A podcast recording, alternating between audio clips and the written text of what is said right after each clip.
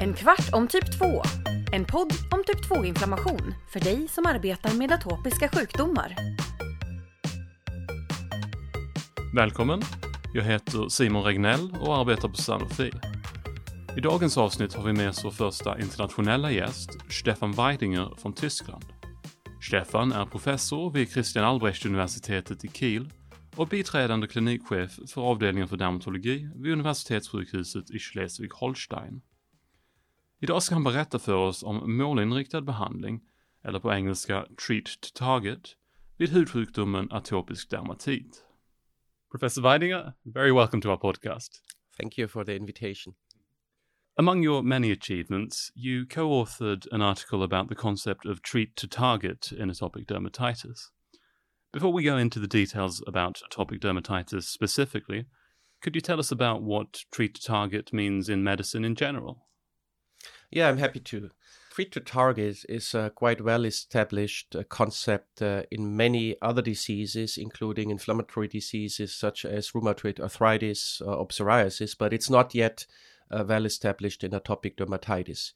In the end, it's all about defining targets of treatment and then checking whether the selected therapy is suitable to reach these targets. So, whether these uh, targets, or you may call them goals, in a given patient are really reached. Such concepts, I would say, are important when you have several options and you have to select from these options and then make sure that uh, it is really the right option for a patient because if not, you can switch to an alternative treatment. All right. And why is this approach needed or appropriate for atopic dermatitis? I think it's particularly helpful in a disease like atopic dermatitis that is so heterogeneous, right? So different things might be of key importance in different groups of patients. There are patients for whom relief from itch is the most important goal of any treatment, while others, improvement of eczema lesions uh, is more important. I mean, in the end, patients want to achieve all this, but there are nuances, right? Uh, and we see that in, da- in daily routine. So there are these patients that come in who are completely desperate uh, and they say, I can't stand this itch anymore. Can you give me something against the itch? And there are other patients who say, I suffer so much from the eczema in my face. I'm, i feel so embarrassed. Uh, is there something that can clear my skin? And things like that. At the same time, we know that we now have several good treatments available for moderate to severe atopic dermatitis, but they have differences in their mode of action, in their efficacy on certain aspects of the disease, certain domains of the disease. So it makes sense to individualize treatment decisions, putting the patient's needs and preferences in the foreground, then checking uh, which of uh, the available therapies might be the one that is most likely to achieve these uh, treatment goals and then to carefully check over time if, if this is true, if, if the therapy is really suited to achieve the goals, because if not, then uh, you can modify or change the treatment. I see. To make this more practical for the clinicians out there, you were part of a group that developed a publication and an algorithm for treat to target in atopic dermatitis. Could you tell us about that? Yeah, sure. I'm happy to. So, in in fact, that was uh, an exercise that took almost two years. Uh, it was uh, an initiative led by international experts who formed a steering committee, and, and this steering committee, after careful uh, review of the literature, then drafted a group of statements with the aim to provide some guidance and framework uh, for systemic therapy of atopic dermatitis in general, and then more specifically to provide a kind of decision framework on continuation, modification, or discontinuation of a systemic therapy, and to propose thresholds and instruments for the different domains that in general are important in atopic dermatitis and that uh, in a given patient might be the ones uh, to look at. These statements were then reviewed by an international extended panel uh, through a Delphi exercise.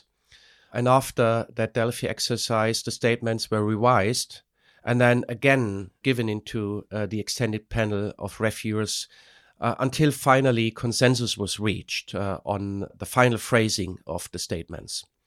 And from these statements, a kind of treatment algorithm can be derived. I think it's important uh, to note that this is not a guideline. These are just recommendations that should support decisions on systemic therapy. Could you give an example of how you'd be able to apply that in, in your practice? Yeah, so the algorithm that can be derived from the statement says that decisions on systemic therapy should ideally be made at months three and then months six after the start of that therapy. And that at these uh, time points, assessments should be done on uh, disease severity uh, and these assessments should always comprise a patient's global assessment on the overall disease activity, because it's it's always important uh, to have the view of the patient, and then because that might not be sufficient. In addition, at least one specific disease domain should be assessed with the help of one established uh, instrument. So, for example, if in a given patient resolution of the eczema lesions is the most important treatment goal, then it makes sense to use the EASI or SCORAD and see what the severity or activity of the clinical signs is at months three and months six. The treat to target recommendations also propose thresholds for the EASI and also for the other instruments. For the EASI, uh, the proposal is that by months three, the latest, there should be an improvement of the EASI or the SCORAD of at least 50%. And then at month six, the latest, there should be an improvement of at least 75% or an absolute EASI of seven or lower uh, to be reached. If these thresholds are achieved, both uh, for the patient's global assessment and the specific disease domain selected, the EASI or the peak itch or the quality of life, then it appears that the therapy is working, it's the right treatment, and it can be continued.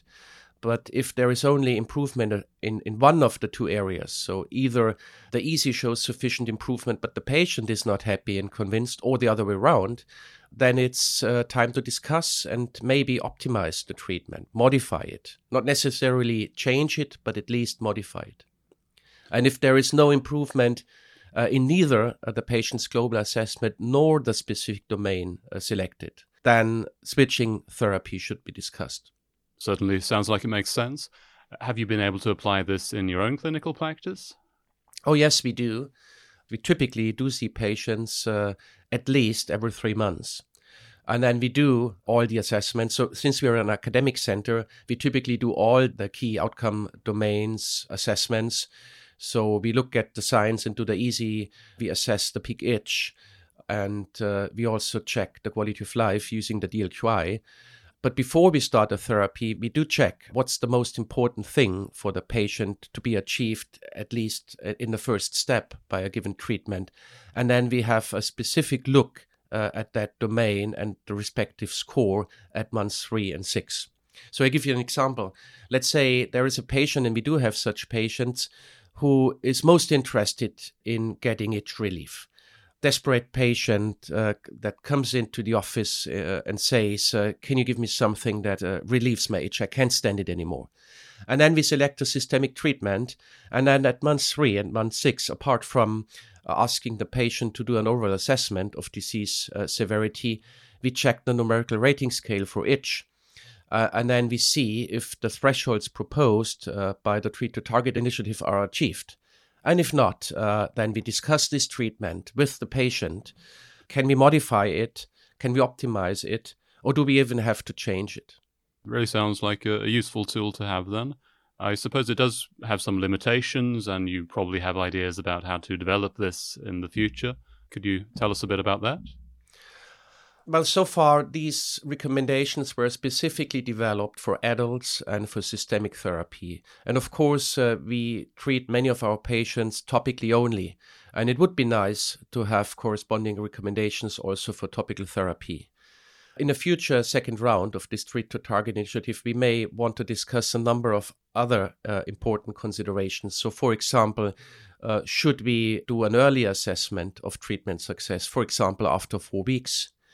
What about the time after uh, month six? Because most of our patients need a long term treatment. So, what would uh, the thresholds be maybe at month 12 and beyond? Do we have uh, instruments that can capture several domains? The newly developed instruments for disease control could be such instruments because, in the end, maybe disease control is the ultimate goal. Maybe we need a stepwise process that we say, okay, in the first phase of systemic treatment, it's important to look at one specific domain that is most important to a given patient, but then at later time points, it's more about overall disease control, and we might be able to then replace a number of assessments by assessments of disease control. Uh, we also realized that there are certainly differences in, in healthcare delivery patterns between regions in the world. And in this first initiative, we mainly had experts from Europe. So in the future initiative, it will be important to also include experts from other areas. And it would be great to have more patients and nurses involved in the second round of, of the Treat to Target initiative because it is very important to get their view, right? So there are many things that uh, we are currently discussing uh, to prepare a second round of that treat to target initiative and to improve the recommendations and the algorithms. But I think it's a good starting point because the key thing is that now that we have so many good choices for systemic therapy, it is important uh, to discuss uh, treatment goals with the patient and involve the patient in decision making, and then also to carefully check if a running therapy is really running well and the right therapy sounds like there's really a lot of ideas around this, and I'm very much looking forward to seeing how it develops during the coming years. We're running out of time here, so as a final question, is there anything you'd like to give as a summary to the audience, any piece of advice?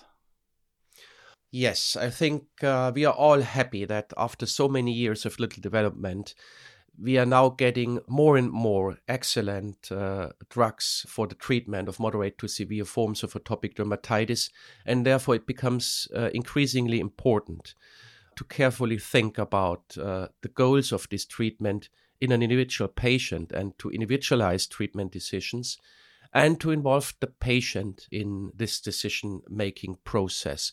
And this is what the Treat to Target initiative is all about. It's, it's not about defining and determining what physicians have to do. These recommendations should just provide some support and guidance in this sometimes quite complex decision making process.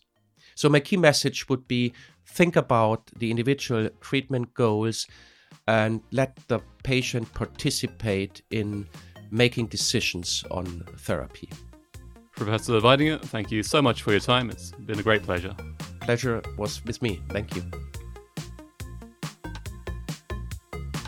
Du har lyssnat på En kvart om typ 2, en podd om typ 2-inflammation som produceras av Sanofi